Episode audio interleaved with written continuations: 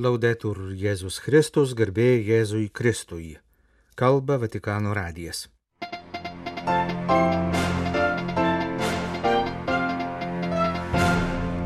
Popiežius prieimė Benediktinų oblatus. Kinijos valdžios atstovas prieimė popiežiaus pasiuntinį kardinolą Dzupį. Bendrystė su visuotinė bažnyčia yra mūsų išlikimo garantas, sako Ukrainos graiko peigų katalikų vadovas. Asyžiuje vyksta Pranciškaus kiemo renginiai. Popiežiaus valstybės sekretorius lankosi Slovakijoje.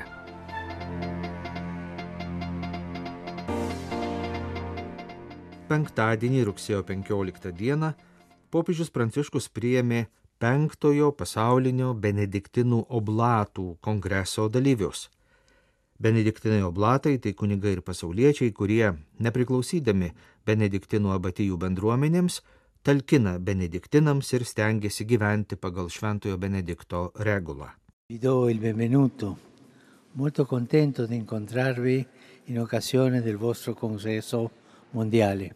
Sveikindamas kongreso dalyvius, popiežius paminėjo kelis esminius benediktinų oblatų dvasingumo bruožus.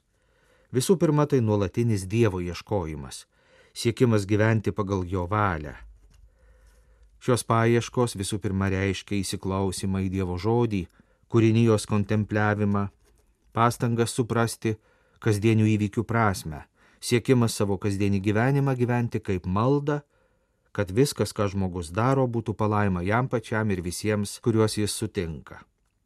Antras svarbus bruožas yra aistra Evangelijai. Šiandien, sakė Pranciškus, globalizuotame, bet susiskaldžiusiame, skubančiame, vartotojiškumo užvaldytame pasaulyje. Reikia ne pirštais į blogybės rodančių krikščionių, bet aistringų liudytojų skleidžiančių Evangeliją.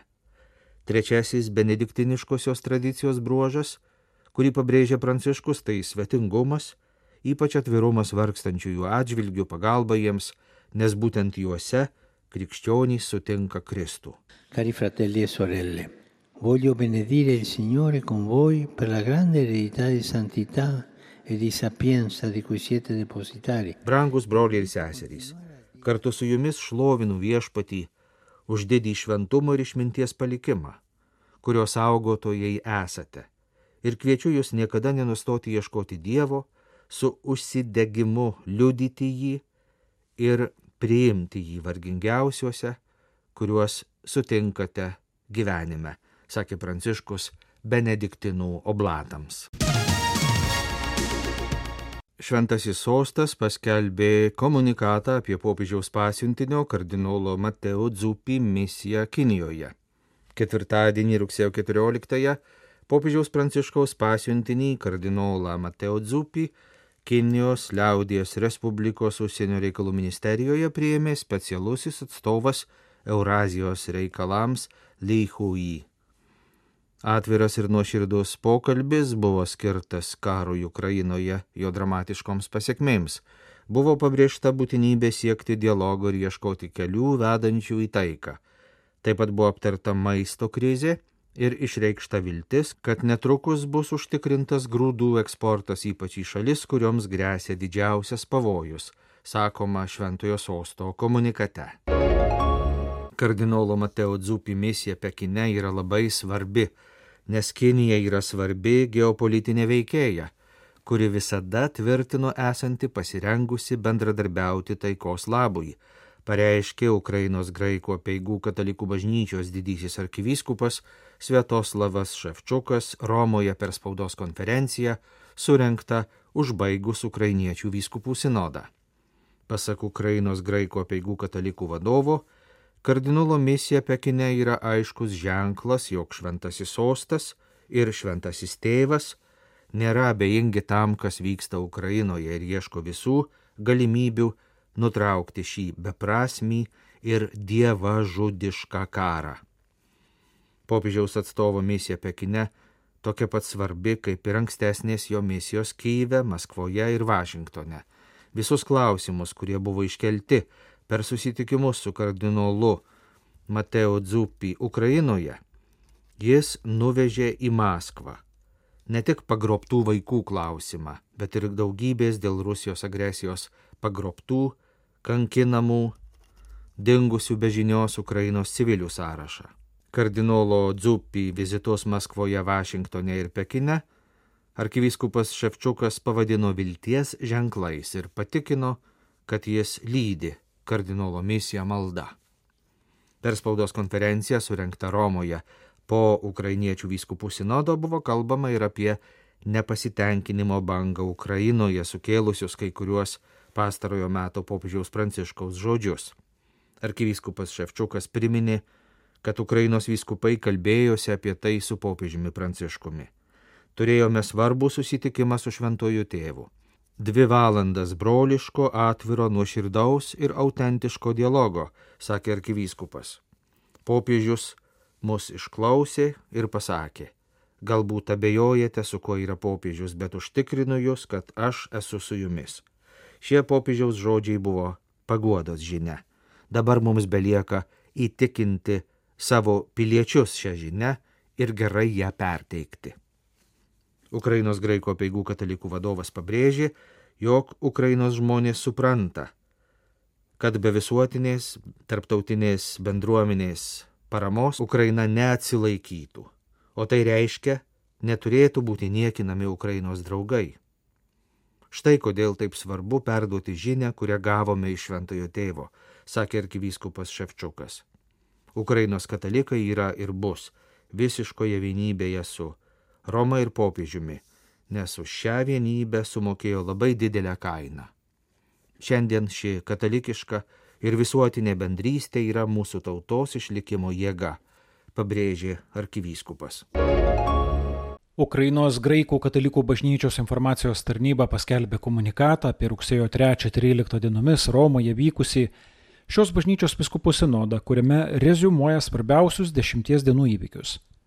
Sušaukti biskupų sinodo Romoje nuspręsta dėl Rusijos pradėto karo Ukrainoje, dėl galimybės paminėti Šventojo Jozapato Kuncevičiaus 400 metų kankinystės jubiliejų prie jo kapo Šventojo Petro bazilikoje, taip pat išreikšti vienybę su Šventuoju sostu, padėkoti už visuotinės bažnyčios paramą Ukrainai, atkreipti popiežiaus ir jo bendradarbių dėmesį į tai, ką šiandien išgyvena Ukrainos visuomenė ir kas ją skaudina. Ukrainiečių graikų katalikų didysis arkivyskupas Svetoslavas Šepčiukas taip pat atkreipė dėmesį, jog sinode dalyvavo daug jaunų, neseniai paskirtų ir išventintų biskupų, leidžiančių žvelgti į ateitį su viltimi. Sinodas prasidėjo dieviškąją liturgiją, kurios metu rytų bažnyčių dikasterijos prefektas Klaudijo Gudžeroti meldė viešpatie sustabdyk agresoriaus ranką.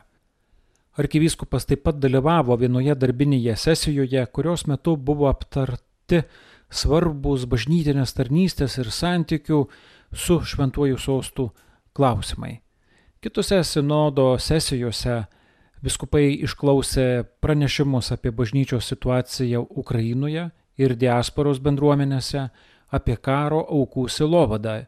Tai buvo pagrindinė tema apie priverstinę vidinę ir išorinę migraciją, migrantų ir pabėgėlių ukrainiečių poreikius, apie finansinius klausimus, apie karitas organizacijos ir kitą socialinę bei labdaringą veiklą, apie kultūrinės iniciatyvas, apie darbus liturginėje ir bažnytinės teisės sritise.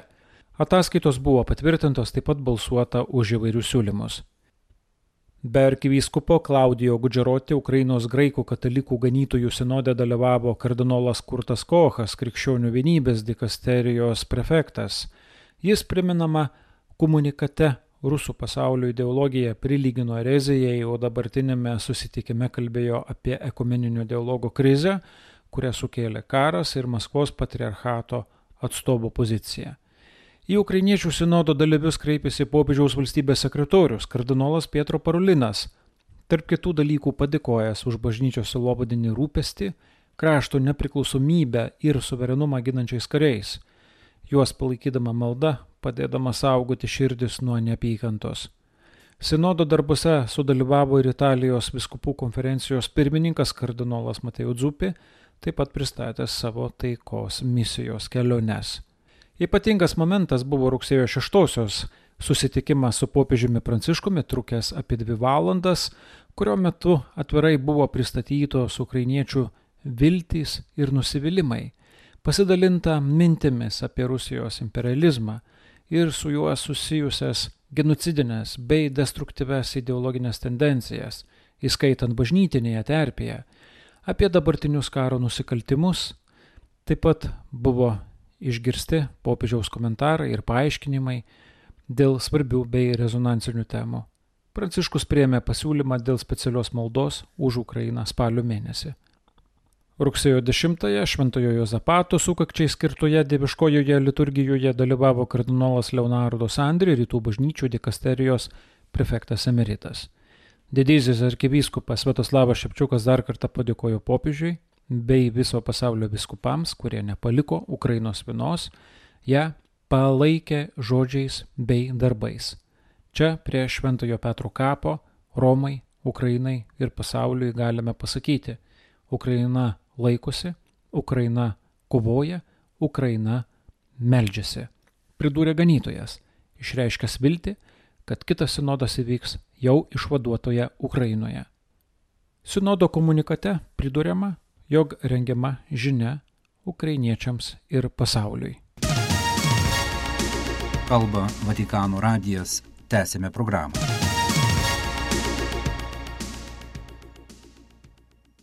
Šveicarijos tarptautinio bendradarbiavimo tarnyba, finansiškai remianti laisvės saugumo ir solidarumo iniciatyvas pasaulyje, 2025-2028 metų laikotarpį paskyrė paramos Ukrainai už daugiau kaip pusantro milijardo eurų.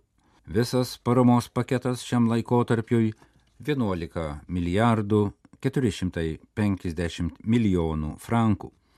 Šveicarijos karitas kritiškai įvertino naują valdžios paramos strategiją. Šveicarijos federalinė taryba žada didinti humanitarinę paramą, tuo pat metu drastiškai mažinti tarptautinio bendradarbiavimo mastus, pažymėjo Karitas. 13 procentų paramos skiriama tik vienam kraštui - Ukrainai.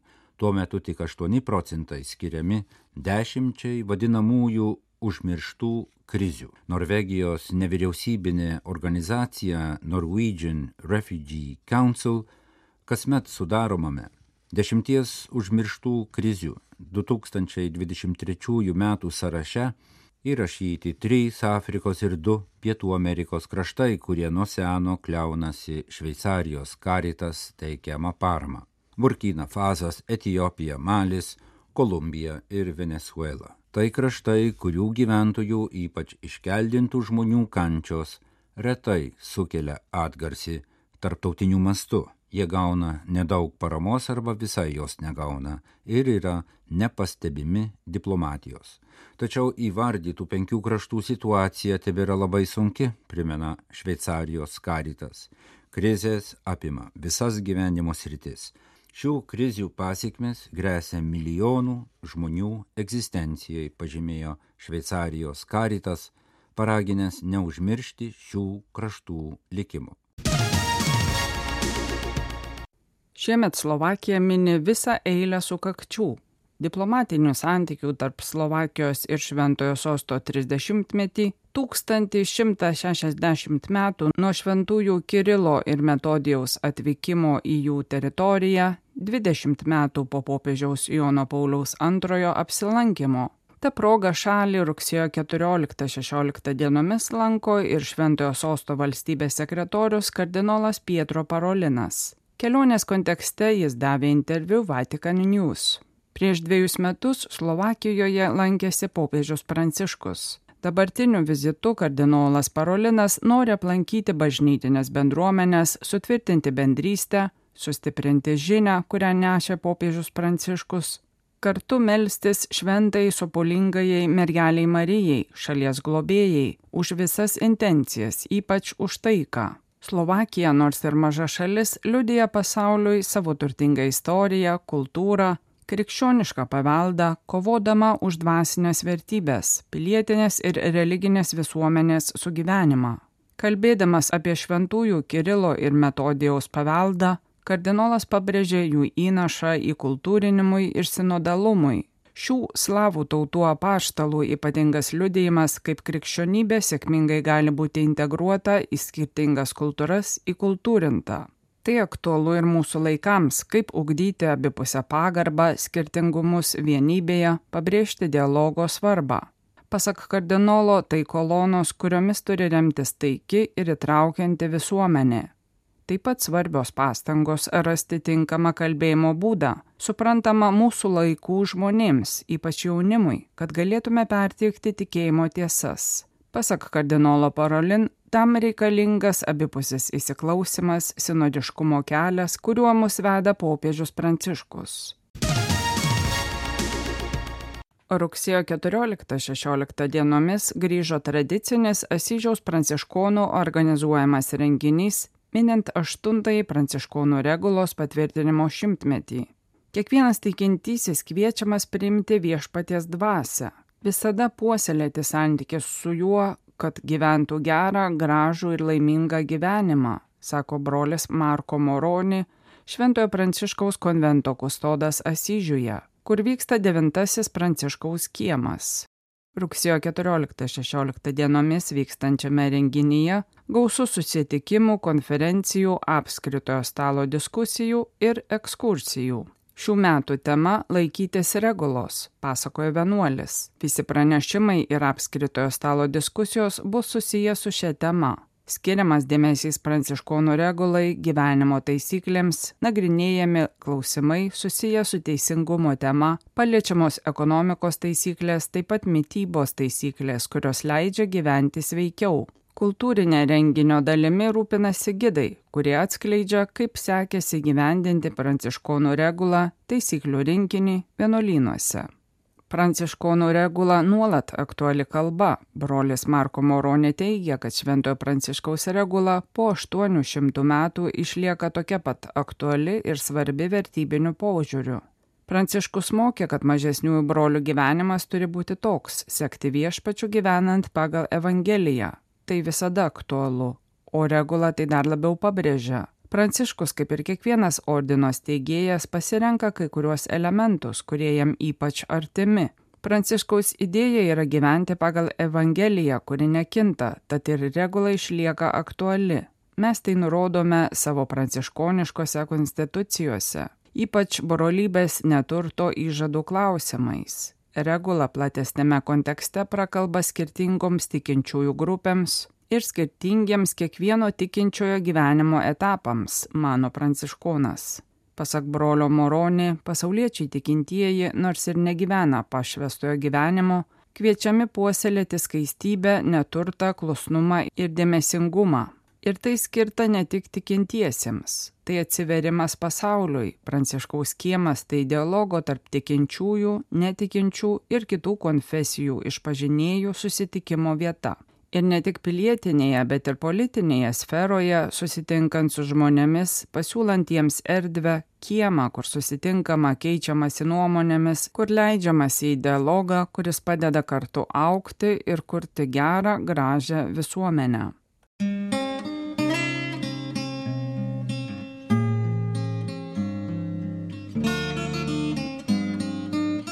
Kalba Vatikanų radijas. Laidą lietuvių kalba baigėme. Garbėjai Jėzui Kristui, laudetur Jėzus Kristus.